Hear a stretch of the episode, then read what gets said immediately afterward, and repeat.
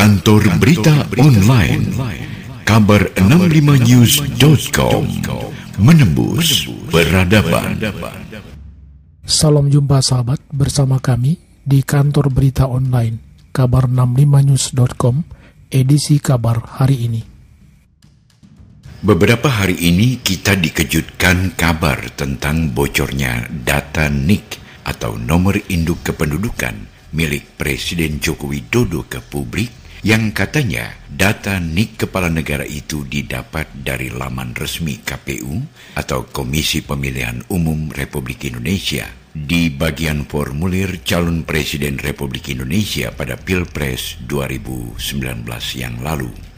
Berkenaan dengan bocornya NIK Presiden Joko Widodo itu, banyak masyarakat mempertanyakan kenapa dokumen penting itu bisa bocor Padahal NIK merupakan data pribadi yang sangat penting yang seharusnya dirahasiakan karena nomor induk kependudukan bisa digunakan untuk berbagai hal seperti aplikasi peduli lindungi dan lain-lainnya.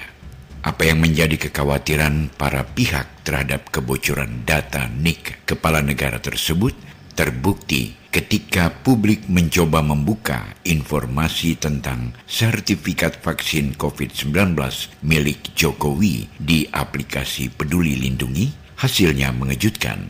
Kita bukan mencari siapa kambing hitamnya, kata pakar telematika dan pemerhati media sosial Roy Suryo kepada kantor berita online kabar 65news.com Senin 6 September 2021. Dikatakan mantan Menpora di masa Presiden Susilo Bambang Yudhoyono atau SBY itu, kalau kita menunggu undang-undang PDP atau perlindungan data pribadi di DPR masih lama. Bagaimana posisi Kementerian Komunikasi dan Informatika, Kementerian Kesehatan, serta Badan Cyber dan Sandi Negara? Lantas siapa yang seharusnya bertanggung jawab terhadap bocornya data NIK Presiden Joko Widodo tersebut? Nah, kalau siapa yang bertanggung jawab tentu saja uh, tentu pemilik dari situs Peduli Lindungi ya gitu. Jadi Kementerian Kominfo tentu harus mengevaluasi ke dalam mitra dia atau PSE-nya penyelenggara sistem elektroniknya yang kemudian harus dievaluasi. Karena apa? Kenapa menyelenggarakan sebuah hal yang kemudian tidak melalui mekanisme atau prosedur yang benar, ujinya tidak benar secara teknis ya gitu. Atau katakanlah tidak melalui verifikasi yang benar. Tapi jangan lupa, Kominfo juga menyelenggarakan itu bekerja sama dengan uh, Kementerian Kesehatan. Jadi uh, kemudian dua-duanya harus bertanggung jawab, tidak malah saling lempar tanggung jawab. Ini yang menarik ya kemarin. Dan jangan lupa, Indonesia punya satu badan lagi namanya BSSN, Badan Siber dan Sandi Negara.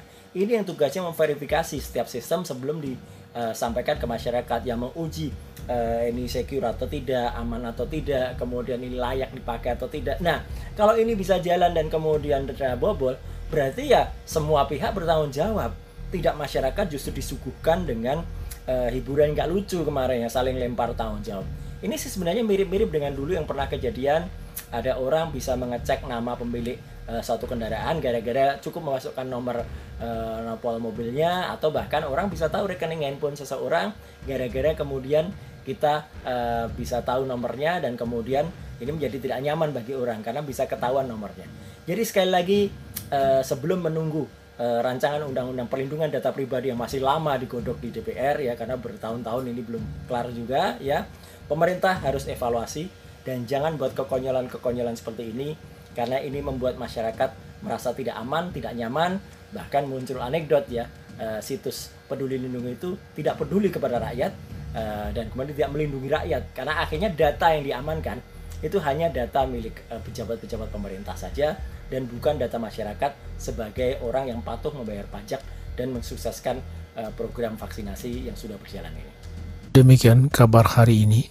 Kita akan jumpa kembali dengan kabar-kabar lainnya di lain waktu dan lain peristiwa. Apabila Anda ingin mendapatkan kabar-kabar terkini, jangan lupa klik situs kami kabar65news.com. Kantor Berita Online Kabar65news.com Menembus Peradaban